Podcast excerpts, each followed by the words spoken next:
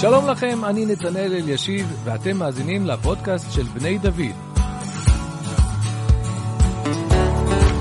בכל פרק נשוחח עם דמות מובילה במוסדות בני דוד על יהדות, ציונות, ערכים וסוגיות שמעסיקות את החברה הישראלית. שלום הרב שילר. שלום, שלום. שלום וברכה, אנחנו נפגשים שוב, בדרך כלל אנחנו משוחחים על עניינים אה, הלכתיים סביב חגים ומועדים, הפעם נושא אחר, אנחנו רוצים לדבר על בתי דין בכלל, בפרט בתי דין לממונות, שזה מה שרלוונטי יותר, אנחנו יודעים שזה נושא חשוב בתורה, לפנות אל אה, בתי דין שלנו, ובתחום הפלילי אין לנו את זה, מה שנשאר לנו כרגע זה בתי הדין לממונות. כן, ואנחנו אחרי שבת משפטים. אנחנו גם אחרי שבת משפטים, אבל נראה לי שזה כל השנה רלוונטי, כי בסוף כן. אנשים, אה, להבדיל, אה, כמו שאבלות, אנשים כשהם לא נזקקים לזה, הם לא רוצים להתעסק עם זה, אבל פתאום כשהם צריכים, אז זה, זה, זה, זה, זה מאוחר. אז גם אף, אף, אף אחד לא יודע מתי הוא יזדקק פתאום אה, להימצא, לא משנה, בצד של התובע או של הנתבע, ואז הוא צריך לקבל החלטה. אני חושב כן. שברירת המחדל של הרבה אנשים דתיים, בגלל חוסר מודעות, זה פשוט, אה, טוב, הולכים לבית המשפט, וזה זה, זה מה שמכירים, הולכים לעורך הדין. לא מספיק אה, בתודעה של אנשים שיש אופציה טובה, נגישה של בתי דין שמתנהלים על פי ההלכה, על פי דין. כן, ברוך השם, באמת חשוב לפרסם את זה. אז כמה שנים הרב עוסק בזה בתחום? אז האמת היא כזאת, אולי אני אתחיל קצת אחורה. כשבאתי, אני עוסק פה ברבנות 15 אה, וחצי שנים, וכשבאתי אף אחד לא הגדיר לי מה, מה העבודה שלי, מה העבודה של רב.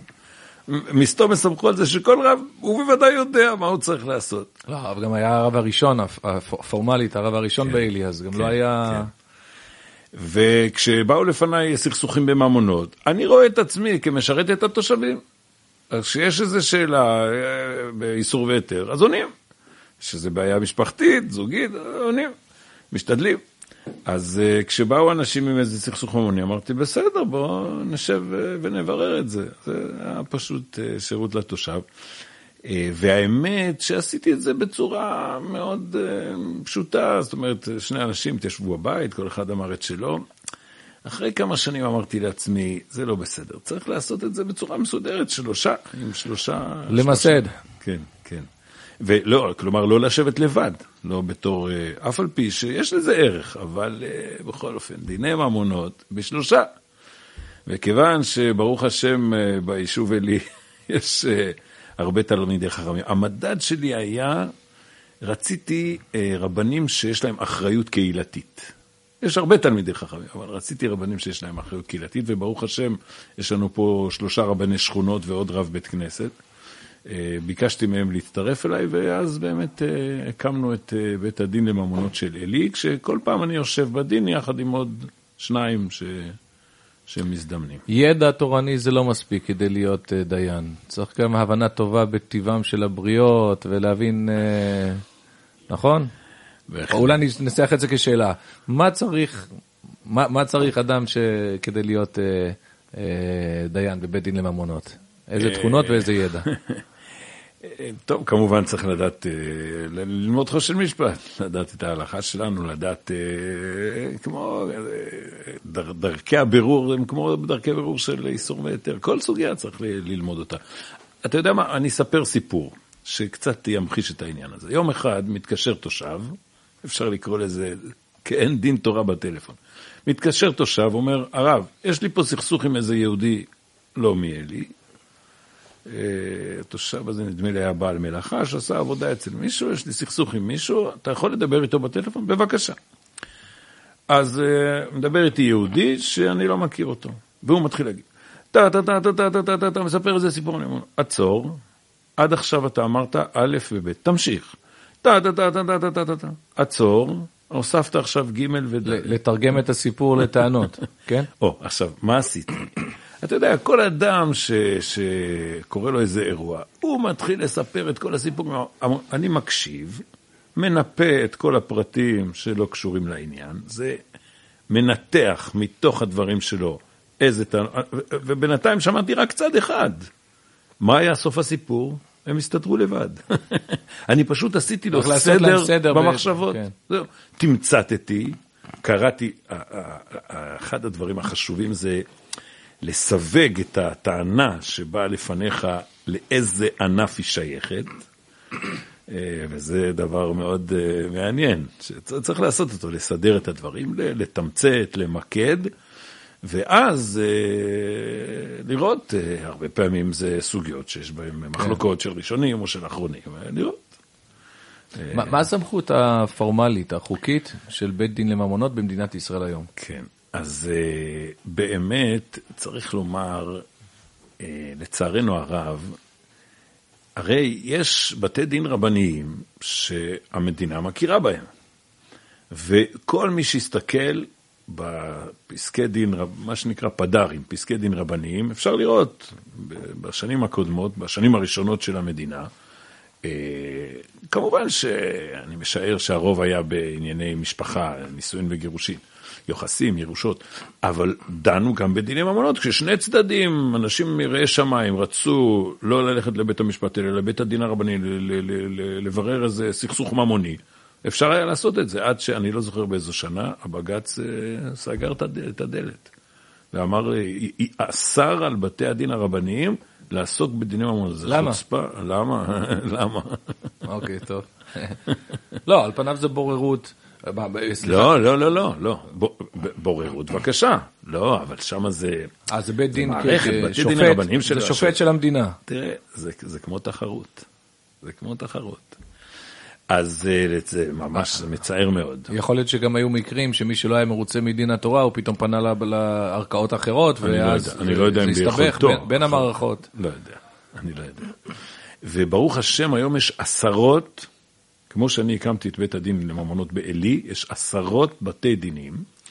עכשיו, אין לנו סמכות לכפות, אבל אם שני הצדדים מסכימים ביניהם, ולפני שאנחנו מתחילים לדון, הם חותמים על שטר בוררות, הסכם בוררות, וזה התוקף. בעצם הם נתנו לנו את הסמכות, כמו זה בורר לו אחד, כמו המשנה. ואם בכל זאת בן אדם מרגיש שנעשה לו עוול גדול, או שזה לא התנהל כמו שצריך, יש לו למי לפנות אחרי שהוא חתם או שאבוד לו? אז האמת היא כן. שהוא יכול, אה, זה לפי חוקי המדינה, הוא יכול לגשת לבית המשפט המחוזי ולבקש לערער על פסק הבוררות. מעניין, גם אה, הייתי בהשתלמות. של, של דיינים, ובא לפנינו שופט מחוזי, שזאת עבודתו, לעסוק בערעורים על בוררויות. והוא אמר לנו, הוא לימד אותנו איך להיזהר שהוא לא יפסול לנו את uh, פסק הדין. הוא אמר מה, לנו... מה אתם צריכים לעשות כדי שאני לא כן, לא אהפוך לכם? הוא אמר לנו, גם אם בתוכן לא אסכים לדבריכם, לא, אני לא, לא אכנס לתוכן, לא אפסול את דבריכם בגלל תוכן, רק בגלל פרוצדורות. הפרוצדורה. למשל, אפילו הדבר הכי פעוט, כתבתם פסק דין, שלושת הדיינים צריכים להיות חתומים עליו, זה דבר פעוט. והעיקר שניהלתם את הדיון בצורה שאפשרה לכל אחד אה, להגיד את, את, את דבריו. הוא סיפר, זה סיפור קצת מזעזע, שבאו לפניו שני אנשים שמכונים חרדים, והוא שאל אותם, אבל אתם, אתם סומכים על הרבנים שלכם, אז למה אתם באים אליי?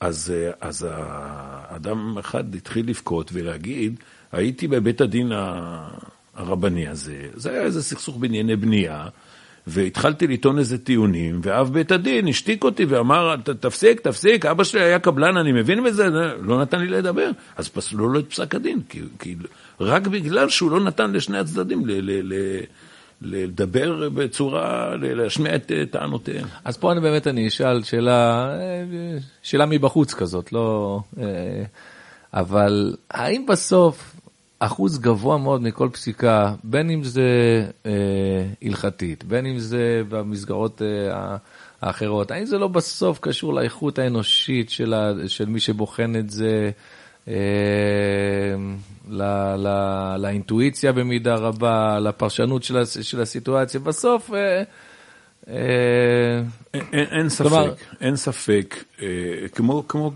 גם, באיסור והיתר, כמו גם בבתי המשפט אה, של הערכאות, לא, מה שנקרא. לא, אבל באיסור והיתר אתה לא צריך להיכנס לראש של הסיר ושל הכף ששמו בסיר. פה אתה צריך לקרוא את הבן אדם, להבין. מה הסיפור שלו, מי פה... זה נכון, זה נכון, אבל uh, כמו שיש מחלוקות ב- ב- בכל דבר, בין ראשונים, בין אחרונים, אני, אני אספר סיפור בהקשר הזה. עסקנו פעם בבית הדין, היה איזה דין בממונות שמאוד התלבטנו כיצד להכריע. אתה יודע, יש לפעמים דברים שקולים, אתה, לאן... טוב, מה עושים? נסעתי לירושלים, נכנסתי לרב זלמן נחמיה גולדברג, זכר צדיק לברכה, פרסתי, מגדולי הדור. פרסתי לפניו את, ה... את כל הנתונים, והוא אמר לי, אפשר כך ואפשר כך. הוא, גם, הוא גם התלבט. ואז יצאתי משם ואמרתי, אין הדבר תלוי אלא בי. באתי, לחזר, חזרתי לשני הדיינים שישבו איתי, אמרתי להם, רבותיי, זאת ההכרעה שלי. אתם רוצים לחלוק? אז, אז נכון, לפעמים באמת אתה צריך להכריע בדברים שהם די שקולים. אה, אני אתן דוגמה, למשל, אה, אם, אם הנושא שמתברר לפנינו שנוי במחלוקת ראשונים, שלא הוכרע חד משמעית, מה עושים? אז במקרה כזה, באמת אנחנו עושים פשרה, ואולי זה דבר מאוד יפה, זה מסורת, מסורת. אני קיבלתי את זה מהרב אברהם דוב אוירבך, זכר צדיק לברכה, שנפטר. לפני חצי שנה, הרב של טבריה. אה, איך עושים פשרה? ככה מנהג בתי דין. לא חצי חצי, לא חצי חצי. חצי חצי זה איזה מין סתם. אלא שליש ושני שליש. כלומר, אתה, גם כשאתה הולך לעשות פשרה, אתה צריך להחליט כוחו של מי יותר, למשל, אם אתה רואה שכוחו של התובע יותר יחסית, אז אתה נותן לתובע שני שליש. ואם למשל המוצאים חבורה עליו הראיה זה שקול לגמרי, בעצם הנתבע ידו על העליונה, אז אתה אומר לפחות אה, ישלם שליש. אז מעניין, כבר, כבר בתלמוד יש את השאלה האם, האם נכון יותר לחתור לדין או לפשרה. אנחנו גם מקיימים כן. את השיחה הזאת שהמדינה מאוד עסוקה בכל הסיפור של עסקאות טיעון, יש יועץ משפטי שמסיים ומנסה לסגור כן. את ה... ואנשים מתקוממים כשיש עסקת טיעון, הם אומרים, זה בט... כי דבר אחד בטוח, מה שמסופר בעסקת הטיעון, זה בטוח לא מה שקרה. כן. או שהאיש אשם, או שהוא לא אשם, אבל מה שהם מספרים זה... אני, אני אספר אה, שני, שני, שני סיפורים על, על על התועלת של דין תורה. תראה, אם שני בני אדם מתפשרים לפני שהם מגיעים אלינו, מה טוב, מה טוב. אני אספר סיפור, זה סיפור מאלף. ניגש אליי יהודי ואמר, יש לי תביעה ממונית נגד הרב שלי. ולא נעים לי, מה אני עושה? ו... אני מקווה שהרב לא היה הרב שלו. לא. זה... עכשיו, איכשהו זה נודע לרב שלו. לא, לא, לא חשוב. הרב שלו הגיע אליו הביתה, ישב איתו עם אשתו ואמר לו, תראה, אני חושב שאני לא חייב לך, אבל כמה שאתם רוצים, אני אשלם לכם. כמה אתם חושבים? חמשת אלפים, עשרת אלפים? אני אשלם לכם. אני לא רוצה, אני לא רוצה שיהיה לכם אפילו תרעומת נגדי. נו, מה אתה חושב? כמובן שהם לא הסכימו לקחת את הכסף. אמרו לו, בוא נלך לדין תורה. אמר, לא, עזבו דין תורה, אני אשלם. וכיוון שלא הלכו לדין תורה, אז הם לא הסכימו לקבל ממנו, כי מתנות הם לא רוצים. ומה נשאר? התרעומת נשארה. חבל. היו באים לדין תורה. במקרה כזה כבר עדיף ללכת לדין היו ולא... באים לדין תורה, אז היה, העניין היה מתברר, ואני אומר לך, לפי ההיכרות שלי, שני הצדדים היו יוצאים מרוצים, תדע לך, אה, לפעמים בבית הדין... אה, סליחה, אם, הוא, אם הייתם מצדיקים את הרב במקרה כזה, הוא לא אוטומטית יגיד, טוב, הרבנים, אה, אה, יש להם... אה, היה לנו מקרה... הטיה לטובת מקרה לא נעים, באמת, אה, ממש כואב הלב, שצד אחד בדיון היה ירא שמיים, והצד השני לא שומר מצוות, והירא שמיים זכה בדין. ואז הצד השני אמר, טוב, הרבנים הם... עסקה סגורה, כן. כן, כן, זה היה משחק מאוד, מכור. זה היה מאוד קשה, ולך תסביר לו כמה, אולי, אולי אני, אני אספר עוד סיפור על, על דיני שוחד. אה, נו, אנחנו בבני דוד, מי לא מכיר את אבי מיכאלי? אה, אבי מיכאלי עם ידי הזהב שלו, אנחנו מזמינים אותו הרבה פעמים לעזור לנו בבית, לתקן כל מיני דברים. עכשיו, אם הוא עושה משהו גדול, אני יודע, מתקין מזגן, אז uh, הוא לוקח תשלום. אבל הרבה, פעמים רבות, הוא תיקן לנו כל מיני דברים קטנים, ואשתי רצה אחריו ואומרת, אבי, אנחנו רוצים לשלם, לא, לא צריך, לא צריך. ויום אחד היה דין תורה בינו לבין איזה תושב. נו, במצב כזה, מעיקר הדין מותר לי לדון אותו, אבל אמרתי, מידת חסידות, מידת חסידות, פסלתי את עצמי מלדון. כי הוא נותן לי מתנות שאין לי דרך איך להחזיר לו אותן. אף על פי שהמתנות שהוא נתן לי לא היו בזמן ש, שהדין היה... הוא לא ידע שיהיה פעם דין. אף על פי כן, מידת חסידות פסלתי את עצמי. נו מה, יש בקידושין אפילו על מישהו שעזר לדיין, כן, סילק את כן, הזבוב, כן. או שהיה לידו, שעשה לו טובה הכי קטנה, ומצד שני, פסיל הלך לדינה. מצד שני, אני מלמד גם בישיבה באריאל, ולפני שנים אה, ישבתי יום אחד שם בישיבה בהראל, וביררתי לעצמי את הסוגיה הזאת של השוחד. ישבתי אה, על המקורות. סיימתי את, ה, את השעות שאני נמצא שם, את השיעורים, הלכתי לטרמפיאדה, מאריאל לאלי, זה צ'יק צ'אק. הרמתי את היד, אסף אותי תושב. אה, נו, בדרך לאן אתה? בדרך, זה ממש סיפור תלמודי, בדרך לאן אתה, ואז הוא אמר, בדרך לדין, אצל מי? אצלך. לא, לא, לא. מה עושים אה, רבע שעה נסיעה? אז אמרתי, אני אשתף אותך במה למדתי היום, והתחלתי לספר לו את הדינים. אה, אנחנו מגיעים לצומת עלי, ועולים, והוא אומר לי, הרב, איפה אתה גר בדיוק? אני אקח אותך הביתה. אמרתי לו, הוא היה תושב נווה שיר. אמרתי לו, תדע לך, זה לא שוחד. למה?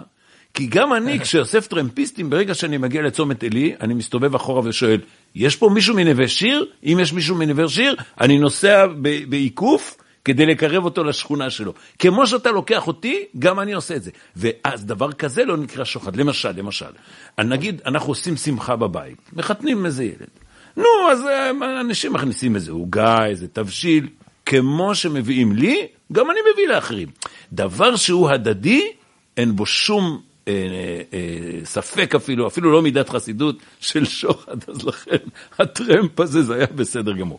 אבל דבר שאני לא יכול להחזיר אותו, גם כן, מעיקר הדין, זה בסדר, אבל מידת חסידות, החמרתי ו... אבל גם בלי, גם בלי נגיעות של שוחד ושל חומרות. עצם זה שרב, הרב הוא הרב של קהילה, הרב צריך להיות הרב של כן. כולם.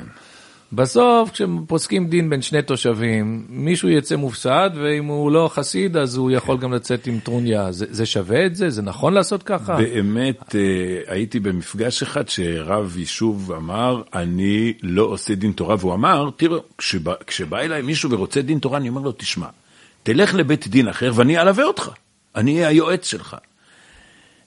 אה, אני מכיר את הגישה הזאת, אני לא מקבל את זה. הרב, הוא צריך לעזור לתושבים, ואם יש סכסוך ממוני, אה, אה, נראה לי שכל הדורות זה היה כך. נכון, בכל הקהילות, זה מהות התפקיד של הרב. ובאמת, באמת, מניסיוני, היה פעם איזה סכסוך, ואתה יודע, הרבה פעמים הכסף זה לא הסיפור, אלא הכבוד, הכבוד, אני הלא צודק, אני... אז באמת היה... לא, מה, זה גם, לא בטוח שזה רק אה, אה, כבוד, זה תחושת צדק, עוול. כן, עוול כן. זה לא רק עניין של כבוד, גם אדם שהוא לא רודף כבוד, שהוא נעשה לו כן. עוול, הוא יודע שהוא עשה איזה מניפולציה, אז הוא כן. מקומם אותו. אני מסכים. אז באמת אה, ישבנו על איזשהו דין, זה היה לפני שנים רבות, ומישהו יצא עם פנים חמוצות, ובמשך תקופה מסוימת הוא החמיץ לי פנים. ואני, אבל התעלמתי מזה, המשכתי להגיד לו בוקר טוב, שבת שלום, בסוף זה עבר לו. אז אולי אני מקווה שהוא לא זוכר את זה בכלל. אז אה, נכון, זה קושי, אבל אה, אני לא חושב שבגלל זה צריך להימנע. יש סיטואציות אחרות שבהן דיין נפסל מלבד אה, יחסי תלות כאלה משפחה, יש לי פה אחיין שפעם היה איתו דין תורה, אז כמובן קרבת משפחה אי אפשר לדון. אבל אולי, אולי אני רוצה ללכת, ל... לחזור לסוגיית הסמכות. אה, כשהתורה ציוותה, שופטים ושוטרים תיתן לך בכל שעריך, למי היא הפנתה את הציווי? על מי זה מוטל, המינוי של השופטים? יש אומרים על הסנהדרין, כלומר, שזה צריך להיות בנוי מלמעלה. הקדוש ברוך הוא ומשה רבנו מינו את הסנהדרין הראשונה, וככה זה התגלגל במשך הדורות. הם מצווים לפתוח סניף בכל מקום. כן.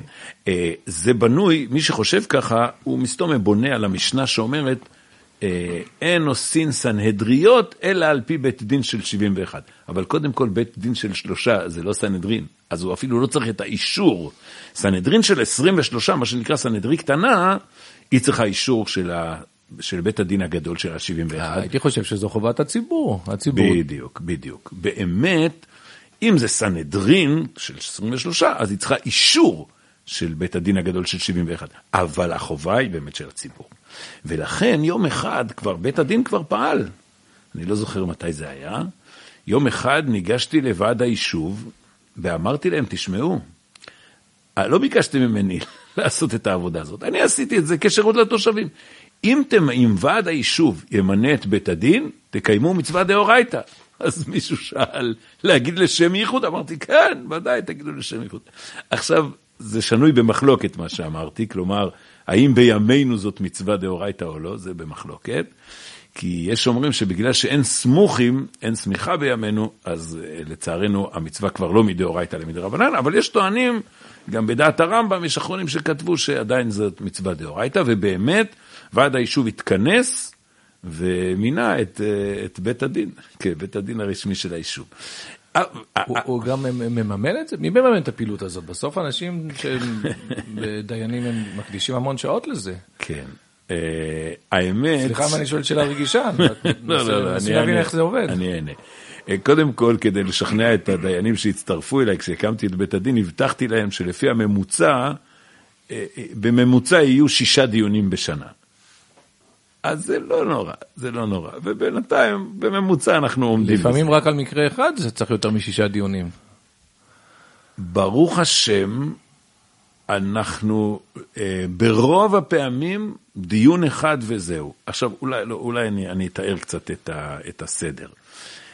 המנהג זה לא רק מנהג שלנו, המנהג הוא ששולחים כתבי טענות, כלומר, התובע כותב, מעלה על הכתב את, את התביעה שלו, אה, שולחים את זה לנתבע, הנתבע מגיב, ואז מתיישבים לדון. כך שמראש אתה מתחיל לנתח את המקרה, אף על פי שצריך לדעת שכשמתיישבים, לפעמים הדברים מתהפכים ב-180 מעלות, אז הכל צריך להיות אה, עם ראש פתוח. אבל זה, זה מקצר את הדיון, זה ממקד אותו. בעלי הדין, הם, הם יש להם איזשהו ליווי, כהון עורך, דומה לעורך דין, יש להם טוען, טוען, או שזה לא משפטים כאלה גדולים? אה, ברוך השם, אני אומר, ברוך השם, אף פעם... אה, לא נזקקתם. לא, לא, לא אנחנו, הצדדים לא באו בליווי של... אה, של עורך דין וטוען רבני, כן, אצלנו זה, זה, זה לא קרה. אבל זה באמת מקצר את הדיון, ו... ברוב הפעמים, בדיון אחד אנחנו מסיימים, מקסימום פעמיים. באמת, תדע לך, זה דבר נפלא מאוד, כי כל מי שהולך לבתי משפט יודע ש... נורא ואיום. כן, התור שאתה צריך לחכות זה... עכשיו, אנחנו לא גובים אגרה בכלל, ככה הייתה ההחלטה שלי. יש לי, יש לי מזכיר, מזכיר של בית הדין, שהוא עובד אה, הרבה יותר משישה דיונים, כי דרכו עוברים גם דברים ש, שלא בשלו בסוף ל, ל... יש לפעמים דברים שבסוף אה, שני הצדדים מסתדרים ביניהם. ואמרתי למזכיר בית הדין, המשכורת שלך זה הרשות אה, שלך להשתתף בדיונים, ו- ויש כמה אנשים שכבר מחכים בתור, מתי הוא יעזוב, אנחנו גם רוצים, כי כל מי שלומד חושן משפט, לומד דיינות, שימוש. זה בדיוק, זה מה שנקרא סטאז' נפלא מאוד, אתה, אתה, אתה מעורב, אתה רואה איך הדברים מתנהלים, אז ברוך השם באמת אנחנו uh, מסתדרים uh, בחינם. אתם בדרך כלל מגיעים להחלטה מוסכמת של שלושתכם? לא תמיד, לא תמיד. זה, זה הדבר הנפלא שיש ב, ב, בשלושה. זה מתחדד, שומעים מכאן ומכאן, אני אספר... אבל זה קשה, זה קשה כש... אה, במיוחד אם האחד משוכנע... אני, אני אספר סיפור שמחדד קצת את העניין. זה אולי זה היה לפני שנה, ישבנו על סוגיה מסוימת, כאשר אני, יצא לי לדבר ככה, דיבור כזה... אה, ראשוני עם אחד מהדיינים לפני כן. וכשהתיישבנו לדון, אז שאלתי אותו, נו, מה, אתה, אתה תפתח אתה, מה דעתך? ואז הוא אמר הפוך, הוא ידע מה שאני חושב, הוא אמר הפוך ממני, אמר את הטיעון שלו, וסיים, ודיברתי בטלפון עם רב אושר וייס, והוא הסכים איתי. אה, אתה מבין? הוא שולף קלף כזה, עכשיו. אח שלי הוא גדול וחזק. לך, לך תריב. אמרתי לו, אני לא מקבל את דבריך, הסברתי לו את הסברה שלי כנגד, ואמרתי לו, ואני אומר לך, אני, אני אשכנע את רב אושר וייס להסכים איתי. כן. אז, אה, אבל זה דבר נפלא, באמת, אה, החידוד הזה, ש, שאחד חושב כך ואחד חושב כך, אה, לפעמים מסכימים שלושתנו, ולפעמים, אולי, לפעמים שניים נגד אחד. היה מקרה, זה מקרה, כן, כתוב בש"ס, אבל משהו לידו. שניים מהדיינים החליטו אותה החלטה, והשלישי אמר, אני לא יודע. איני יודע. מה נעשה עכשיו? אז אם זה היה בבית דין רגיל, אז כתוב מוסיפים דיינים, אבל פה אי אפשר להוסיף דיינים, למה? כי כל הכוח שלנו זה מכתב הבוררות, כתב הבוררות ניתן רק לשלושתנו. אתה רוצה להוסיף דיינים? צריך לחזור. צריך הסכמת בעלי הדין. הרי עכשיו הוא לא יסכים, הוא יודע, זה שחושב שהוא... למה הוא כבר יודע מי חושב מה? הוא חושב שהוא הולך להפסיד, אז הוא כן. לא יסכים, הוא בצדק. כן. אז פשוט מה עשינו? אין לזה פתרון. לחצנו עליו, תחליט, הוא החליט הפוך מאיתנו, ואז נסגר העניין, שניים נגד אחד. זה גם דבר מופלא, ש-2-1 מתקיים ו-2-0 לא מתקיים, למרות שלכאורה זה... כן, זה סוגיה. אבל... אבל זה קשה, אני, אני לא יודע אם יצא לרב להיות האחד, ש, שאתה בטוח שבעצם נעשה פה עוול בשם התורה, והם פוסקים לא נכון. בדיוק הזדמן, אתמול לימדתי את הסוגיה של עזר בן אורקנוס, ושהוא הלך נגד, נגד הרוב, ושתמיד שואלים תלמידים, אה, אבל הרי רוב ומיעוט. אמרתי, אבל הוא יודע שהוא צודק, זה לא, זה לא איזה משהו של סברה, הוא בטוח במאה אחוז, הוא התלמיד של רבני יוחנן בן זכאי, הוא אמר לו שכל העולם יגיד נגד, נגדו, עדיין הוא, מכ, הוא מכריע. הוא יודע שתנורו של אחנאי, מה לעשות? כן. אז אני אספר לך דבר יותר מורכב. וגם, גם, הרי אסור לשקף את זה לבעלי הדין, נכון? אתם, אתם מודיעים... כמובן, ש... כן, כן. אבל אתם מודיעים שהיה שתיים נגד אחד, או שגם את זה לא? זאת אומרת, כתוב בפסק, האם זה פסק על פי רוב דעות, או פסק אבל לא כתוב. מי, נכון? ברור, ברור, כן. אבל כן. זה קשה גם לא לשקף. כתוב דעת, כתוב דעת הרוב, דעת המיעוט. ואתה רוצה לעודד בן אדם להגיד, שמע, שמענו, אני הייתי בעדך, אני, אבל אסור. אה, נכון, נכון, נכון, זה אסור, אבל תן לי, אני אספר לך עוד, אה, עוד איזה אירוע. אה, ברוך השם, כמו שסיפרתי, יש הרבה בתי דין, ולפני כמה שנים הייתה יוזמה וקבוצה של בתי דין התאגדו תחת הכותרת איגוד בתי הדין. טוב. ועשו תקנה שאפשר לערער בתוך המסגרת של האיגוד. איך, איך מתנהל הערעור? מישהו היה בבית דין מסוים, ויש לו ערעור על הפסק הזה, אז מגישים את הערעור הזה בפני הרכב של שלושה אבות בתי דין. לבושתי למיעוט ערכי, אבל מה לעשות, קוראים לי אב בית דין, אז יצא לי כבר לשבת בשלושה ערעורים. ובערעור, זאת אומרת, ישבנו שלושה אבות בתי דין, אחר שון, כמובן שונים מהבית דין המקורי, ובדיון הראשון שהיה, היה בינינו ויכוח קשה מאוד, ושם הפסדתי. עכשיו, מה זאת אומרת הפסדתי? בית, בית דין ראשון פסק מה שפסק, ואני טענתי שלא צריך לשנות את הפסק. אתה מבין? אז אם אתה מחשבן פה, היו שלושה דיינים ראשונים, אז זה כאילו שניים נגד ארבעה, אבל אין מה לעשות. זה לא עובד כך. התווכחתי, התווכחתי, לא הצלחתי לשכנע. הרמתי את הידיים, ותראה, זה דבר השם, ככה הוא מתברר, אנחנו אפילו שאני סבור שזה היה פסק דין מוטעה, אבל אנחנו מקבלים עלינו, זה, זה סדר התורה, אחרי רבים להטות. יש, יש איזושהי למידה ממערכת המשפט הכללית במדינה, אני יודע שהרב לפעמים עוסק בהשוואות, אני חושב ששופט שהרב, פשוט אני מכיר את זה מה, מהדברי תורה של הרב בבית הכנסת, שלפעמים כן. אומר, שאלתי את השופט פלוני, איך הם עושים כן. ואיך... כן, אז יש את הסוגיה של דינא דמלכותא דינא. אתה יודע מה, אפילו אני... אני, אני אה, אה, אספר על סוגיה מסוימת. אה, מה קורה, למשל, סיפור, קבלן עובד בעבודה מסוימת ויש לו פועלים. נניח שהם עובדים בבית מסוים. ואחד הפועלים שלו התרשל, ועף לו איזה חפץ, איזה כלי, ופגע בבית של השכנים בכלל, לא איפה שהם עובדים. שבר חלון. בא השכן ואומר, אה, החלון, בא לקבלן, אומר, החלון נשבר. אומר לו, מה אתה רוצה ממני? תלך לפועל ותתבע את הפועל. האם בעל הבית תובע את הפועל או את המעסיק של הפועל, את הקבלן? יכול גם לתבוע את בעל הבית השני, שהוא בכלל... אה, יפה, יפה, אז זה כבר השרשרת. אז באמת לפי דין תורה, בפשטות, יש פה בן אדם, הוא בר דעת, הוא עשה את הנזק, תלך ותתבע אותו, מה אתה רוצה ממני?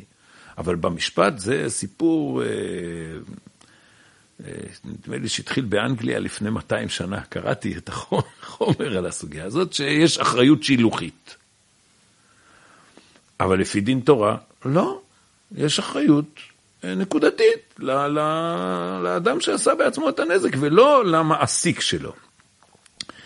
אז ישבו על זה שלושה בתי דין, אני, אני הוצאתי את הנתונים, יש, uh, דרך אגב, יש גם אתר שבשם פסקים, תכתוב בגוגל פסקים, תגיע לאתר של בתי דין רבניים פרטיים וגם של המדינה, נפלא מאוד, מסודר. הכל כבר קרה, הכל כבר נדון. ו- וגם מאוד uh, קל למצוא, לפי נושאים, מאוד מסודר, נפלא מאוד.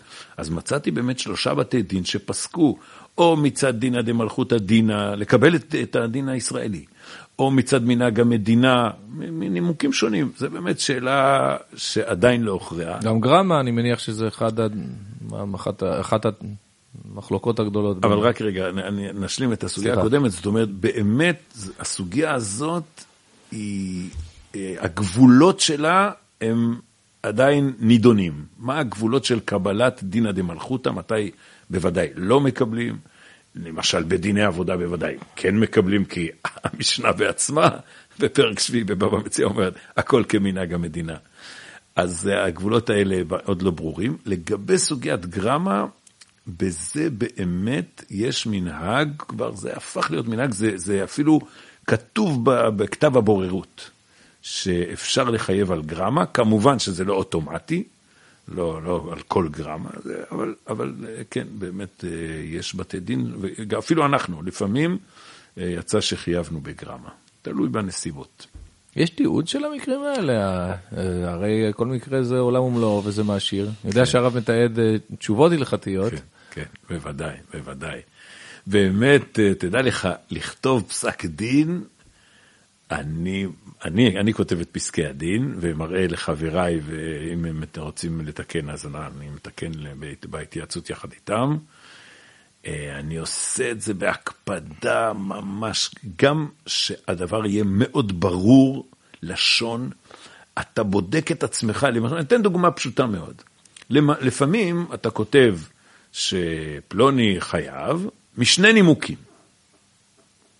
ואז אתה אומר לעצמך, רגע, רגע, רגע, בעוד 50 שנה יבוא ומישהו יגיד, רגע, זה רק כששני הנימוקים מצטרפים, או כל נימוק? אתה מבין? הוא שווה בפני אתה- עצמו. אז צריך להקפיד על הניסוח. גם נפקא מינה, הרי אם הוא- אם הוא יצליח להפיל אחד מהם בערעור, למשל, למשל. אז זו. דוגמה כמה צריך ממש להקפיד, לחשוב. מה יחשוב מי שיקרא את זה, איך הנוסח יהיה אה, חד משמעי. אה, מסתום, אה, תמיד אפשר יהיה למצוא עדיין סימני שאלה, אבל לכ- לכתוב פסק דין, אני כותב בצורה מאוד מאוד מוקפדת. יש מחנה, סליחה, יש מחנה משותף ל... למקרים שמתגלגלים אליכם? הרב יכול לספר לנו קצת סוג של סיפורים בלי, בלי לחשוף... מ- באמת, או שזה זה- פשוט זה- יכול להיות זה לכל ה... מגוון, מגוון. זאת אומרת, דיני נזיקין, דיני עבודה, חוזים. אה, אתה יודע, אה, היה מקרה אחד באמת, אני חושב שאין אין כאלה מקרים, זה ייחודי לגמרי. יהודי תבע את חברו שיפסיק לכעוס עליו. זה לא? יאומן, כן? כן, זה לא יאומן. עכשיו, מה, נו, מה, מה זה קשור לבית הדין? באמת, הכועס, היה לו איזו תביעה ממונית, שהוא החליט לא להוציא אותה לפועל. אתה מבין? אבל הוא כעס, הפסיק לדבר עם, ה... עם היהודי שהוא חשב שחייב לו כסף. אז לכן היה לנו מה לדון. זה, זה היה דיון הפוך, כלומר, בעצם התובע שתבע תפסיק לכעוס עליי, דנו אם הוא חייב לשלם או לא. ובקיצור. יש בית דין שיכול ליטול מהאדם את הזכות להקפיד, הזכות הלא נעימה, אבל להקפיד על חברו. הרי, הרי אה, יש סוגיות ב, נו, בפרק... האם יש תרעומת או אין תרעומת? בדיוק, בסדר, בדיוק. נגיד שפסקתם שאין עילה לתרעומת, אבל הוא ימשיך לכעוס. אה, אז זה נקרא שהוא מפר- מפר את החלטת בית הדין? זה כבר לא בידינו. זה כבר לא אפשר אה, להגיד לו שאין לך סיבה לכעוס בעצם. כן, כן. אבל, אבל בית הדין יכול, אה, באמת באותו דיון, אה, אני כל הזמן, אה, אני גם רושם את הפרוטוקול, אז כל הזמן הקשבתי לכל הפרטים, כל הפרטים. והרב קשתיאל ישב לידי, הרב אליעזר, והוא חשב יותר רחוק ממני. הוא, אני, אני, אני הקשבתי לפרטים כמו דיין, ש, ש, רגע, יש פה חיוב, אין פה חיוב, אבל הוא חשב על הנפש, וזרק איזה הצעת פשרה, ככה שכשמדובר על מישהו שכועס, אז צריך לחשוב קצת מעבר לזה. אבל זה באמת אה, דבר מאוד מעניין. מה, מה קורה כאשר אתם בעצם אה, מגיעים לתחומים שאתם, ש, שזה מחייב איזושהי מומחיות ש, שאין לכם? הרי כן. דיין יכולים לשאול אותו על, על המון תחומים, הוא לא מומחה לכל... כן. לכל אז תחום. uh, הדבר הכי מצוי זה באמת uh, בליקויי בנייה. Uh, אז מגייסים, מגייסים מומחה, uh, שהוא הוא ייתן את חוות דעתו. יש אנשים שזו הפרנסה שלהם, הם כותבים חוות דעת. עכשיו, השאלה היא מי ישלם את שכרו. אז אנחנו מודיעים את זה לבעלי הדין, ו... שמי שיצא מופסד בדין הוא לא, לא, יצטרך לשלם? בהתחלה, בהתחלה שניהם משלמים חצי חצי, ואחר כך, אם מישהו באמת יפסיד, אז הוא יצטרך אה, לפ- לפצות את, אה, את אה, חברו. כן. לפעמים אני מגייס אה, חבר. לא, לא מזמן, גייסתי חבר שהוא אה, מהנדס, ו... אז אה, זה יוצא בחינם. אבל אה, כן, בהחלט אה, אה, מגייסים, אה, לנו ב- בעיקר יצא בדיני בנייה, כן, בליקויי בנייה, כל מיני סכסוכים על בנייה, אז אה, באמת חייבים אה, מומחה שייתן את אה, חוות הדעת שלו. עוד, עוד נקודה, שלפעמים הדיין חייב לראות אה, בשטח את ה... אני חושב שזה היה בדין תורה הראשון ש, שעשינו כשלושה דיינים, זה היה תאונת דרכים. זאת אומרת, רכב פגע ברכב. וישבנו בחדר, וכל אחד אמר את טענותיו, היה די ברור לנו מי, מי אשם, אבל אמרנו, כדי להפיס דעת, דעתו של, ה, בוא נצא החוצה ונשים את הרכבים אחד ליד השני. אז יצאנו החוצה מהחדר, ושמנו את הרכבים אחד ליד השני, ועדיין היה נשאר עוד ספק קטן. אז אמרנו, בוא ניסע למקום, זה קרה בעלי, ההתרחשות. בוא ניסע למקום שבו זה אירע, ואז התברר, אה, במקום שבו זה אירע, רכב אחד עמד על החלק הסלול, והשני על החלק הלא סלול, שהוא היה נמוך בכמה סנטימטר, ואז ראו בדיוק את הפגיעה. זאת אומרת, ממש התאמצנו. ואז החייב ראה באמת שהוא חייב והשתכנע. כל הכבוד, כן. כי, בג"ץ שלם לא הסכים ללכת לגוש קטיף, החריבו חבל ארץ שלם בלי שהם הסכימו אפילו נכון. להסתכל על המקום, נכון. עכשיו עוד סיפור שדרכו אה, הלכה נוספת, הרי אין שומעים דברי בעל דין עד שיבוא בעל דין חברו. אה, היה פעם איזה סכסוך, אה, היה קשור לחצר, משהו שאני כבר לא זוכר בדיוק, אולי קו ביוב שעובר אה, באחד מהיישובים השכנים. וראינו את כתבי הטענות ואמרתי, צריך לראות את זה בעיניים, כדי, לפחות שאני, אז אני ומזכיר בית הדין קבענו, בשבע בבוקר אנחנו מגיעים בשביל לראות בעיניים את ה... הגענו בדקה לשבע, אז, והגיע אחד הצדדים, ורציתי רק שיסביר, שיסביר לי מה, את, את הרקע לפני שהוא הולך לפרטים. אז התחלנו לדבר איתו. אחרי דקה הגיע הצד השני ואמר, איך אתה מדבר איתו בלעדינו? צודקים, אתה צודק, אני מסכים, אפילו שזה היה דיבור כל כך ראשוני. צודקים, צודקים. צריך להיות אה, באמת רגיש לדבר הזה של אין שומעים דברי בעל דין עד שיבוא אה, בעל דין חברו. הייתי פעם ב... אה, באיזה מקום, באיזה כנס, שסיפר איש מבר אילן, מהקליניקה המשפטית, הוא סיפר לנו על, על בתי דין פרטיים כאלה, בתי דין כמו שלנו. שהגיעו פעם ל... טוב, טוב שהוא לא אמר לנו אצל, אצל מי, הגיעו לרב יישוב כדי ללוות אה, מישהו בעזרה משפטית. אז אה, טוב, מתיישבים, אז שואלים את רב היישוב, רגע, אתה דן לבד, לא בשלושה? אז הוא אמר, אה, אתם רוצים שלושה? טוב, נביא עוד שניים. טוב. רגע, אתה לא כותב פרוטוקול? אה, אתם רוצים פרוטוקול? טוב, פרוטוקול. אה, הגיעו לדיון שני, אז הרב אומר, תראו, אני דיברתי עם הצד... רגע, איך דיברת איתו שלא בפנינו?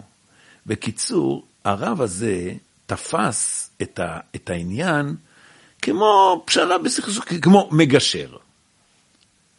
עכשיו, מגשר זה דבר יפה, מבורך. לפעמים יש סכסוך שכנים שבא שכן שלישי ומרגיע את שניהם. זה בסדר, אבל אתה צריך לדעת את מקומך, אתה צריך להחליט. אם אתה מגשר, הרב תפס את זה כמו, זה, יש פה סכסוך שכנים. כן. אם אתה מגשר, בסדר, אז אתה לא כפוף לשום כללים ולשום חוקים, אתה יכול לדבר עם זה ועם השני, ו- ואולי בסוד ל- להרגיע, כמו אהרון הכהן, שהיה עושה שלום בין אה, איש לחברו. אבל אם זה דין תורה, אז יש כללים קשוחים. אני זוכר, גם באחד הדיונים הראשונים, נכנס אחד הצדדים, ויום לפני כן נולד לו בן או בת. אמרתי לדיינים, אף אחד לא אומר פה מזל טוב. זה לא נעים, אתה רוצה להאיר פנים למישהו מחוץ לבית הדין. בבית הדין, נו, כמו שכתוב בהלכה, לא תכירו פנים, צריך, כן. צריך uh, להיות איזה uh, מין... Uh, אנשים נכנסים ואומרים, ערב טוב, אז uh, צריך להיזהר. Uh... אם מישהו תובע אותי לדין תורה, בבית דין אחר, אני חייב, לפי ההלכה אני חייב לבוא? אני אחדד את השאלה. אני, אה, אם, אם, אם היה, אם אני כתושב עלי, מישהו פה היה מביא, אני מכיר פה את המערכת, ואני, אז, אז, אז הייתי יותר נאות אה, לבוא. אבל אם מישהו פתאום, לא, אני מדבר כרגע על זה שזה בעצם לא בתי המשפט של המדינה. מישהו פתאום הודיע לי, היה מקרה עכשיו של איזשהו זה אה, סופר שנחשב בדברים חמורים, וקראו לו לבית דין והוא סירב לבוא. אז אני מנסה להיכנס לראש של, של אדם, אני אומר, ההוא בחר את הבית דין שנוח לו, אני, אני, יש אני כללים, חייב ללכת. יש כללים של איפה מתבצע הדיון, למשל, אה, הולכים אחר הנתבע. אתה לא יכול לגרור את הנתבע למקום... לא, לא בגלל זה. עצם זה שאני חושש, אם הוא בחר לעצמו את בית הדין, אולי הוא בחר לעצמו בית דין נוח או... אז לכן באמת אה, יש את האפשרות של זה בורר או אחד. כן, כן. ואז, ואז אתה אומר לשני, אני מוכן לדין תורה, כלומר, אני לא מסרב לדין תורה. אבל בוא נראה, אה, אתה תבחר את הדיין שלך, אני את הדיין שלי, ושניהם יבחרו את השלישי, וככה אפשר לעשות. יצא שערערו על פסק דין שלכם? כן. כן. איך עושים את זה? אה, אה, בגלל שאנחנו שייכים לאיגוד, וזה מופיע בתוך כתב הבוררות. אה. היכולת לערער, אז מישהו לא היה מרוצה מפסק הדין וערער בפני שלושה אבות בתי דין. מותר לשאול אם הערעור יתקבל? סתם מעניין. אז האמת היא כזאת, שבשורה התחתונה הערעור לא התקבל, כלומר פסק הדין שלנו נשאר במקומו.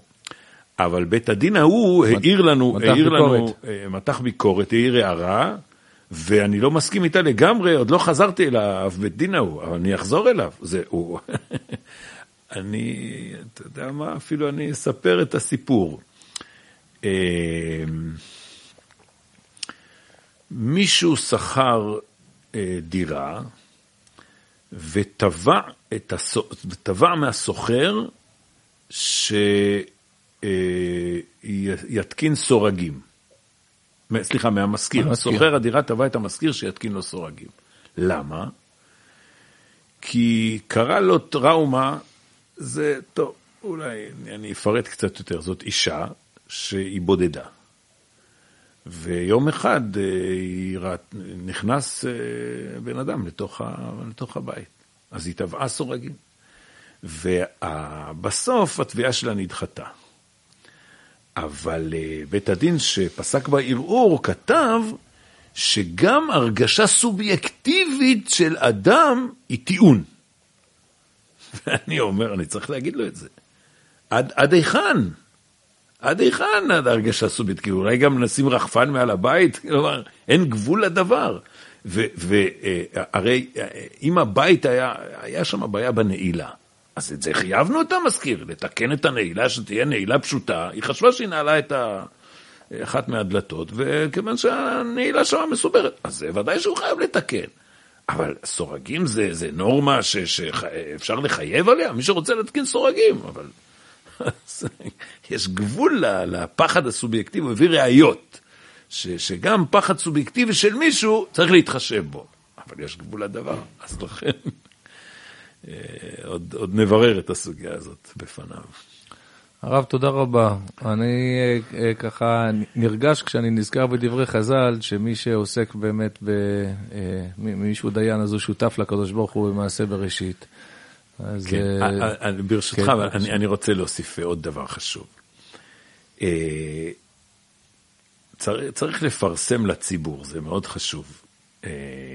הייתי בכינוס של דיינים, כינוס מאוד חשוב, ואחד, דיין חשוב אמר, רבותיי, אם מיליון אנשים, מיליון תושבים במדינת ישראל, ילכו לבתי הדין הרבניים כשיהיה ביניהם סכסוך, אז נוכל לחזור להשיב השופטינו כבראשונה. לצערנו הרב, משפט במדינת ישראל, יש לנו בדיוק בזה עמדתי לסיים, ולעודד את כל מי כן, שמאזין, קודם כל, לדעת, קודם כל לדעת שזה חיוב, זה, זה, זו, זו כן, חובה כן. גמורה. וישב בכינוס הזה גם, אה, נגיד את שמו, הרב עידו רכניץ, ואמר, אני רוצה לנצח את הבג"ץ מלמטה. אני רוצה לגרום לכך שיבואו בפנינו תיקים במיליונים, מורכבים, מסובכים, וכולם יראו שיש לנו פסקי דין הגיוניים, מתאימים, מהירים, ככה, ממש, חזון נפלא מאוד, חזון גדול מאוד, והוא בנוי גם על, על העידוד של הציבור, שכשהם, אני אברך את כולם שלא יגיעו לסכסוכים, אבל אם מגיעים לסכסוכים, לכו לבתי דין רבניים. וגם אם יצא למישהו להפסיד, ואפילו אם הוא, הוא באמת צודק, עדיין אה, הוא, הוא, הוא בזה קיים מצווה, והוא חיזק את המערכת הנכונה. והוא יכול לראות בזה תרומה להשבת שופטינו כבראשונה ויועצינו כבת תחילה. וגם כמו שהרב אמר, דיון בדרך כלל זה ייגמר מהר יותר, ייגמר, כן. ייגמר בטוב, וכן ירבו אנשים שעוסקים בשותפות הזאת עם הקדוש ברוך הוא. מביאים שלום בין אדם לחברו ומכריעים אמת וצדק. תודה רבה רב. שלום שלום. עד כאן הפרק שלנו, תודה שהאזנתם להסכת של בני דוד. אתם מוזמנים לשתף את הפרק עם חברים, נשוב ונשתמע בפרק הבא.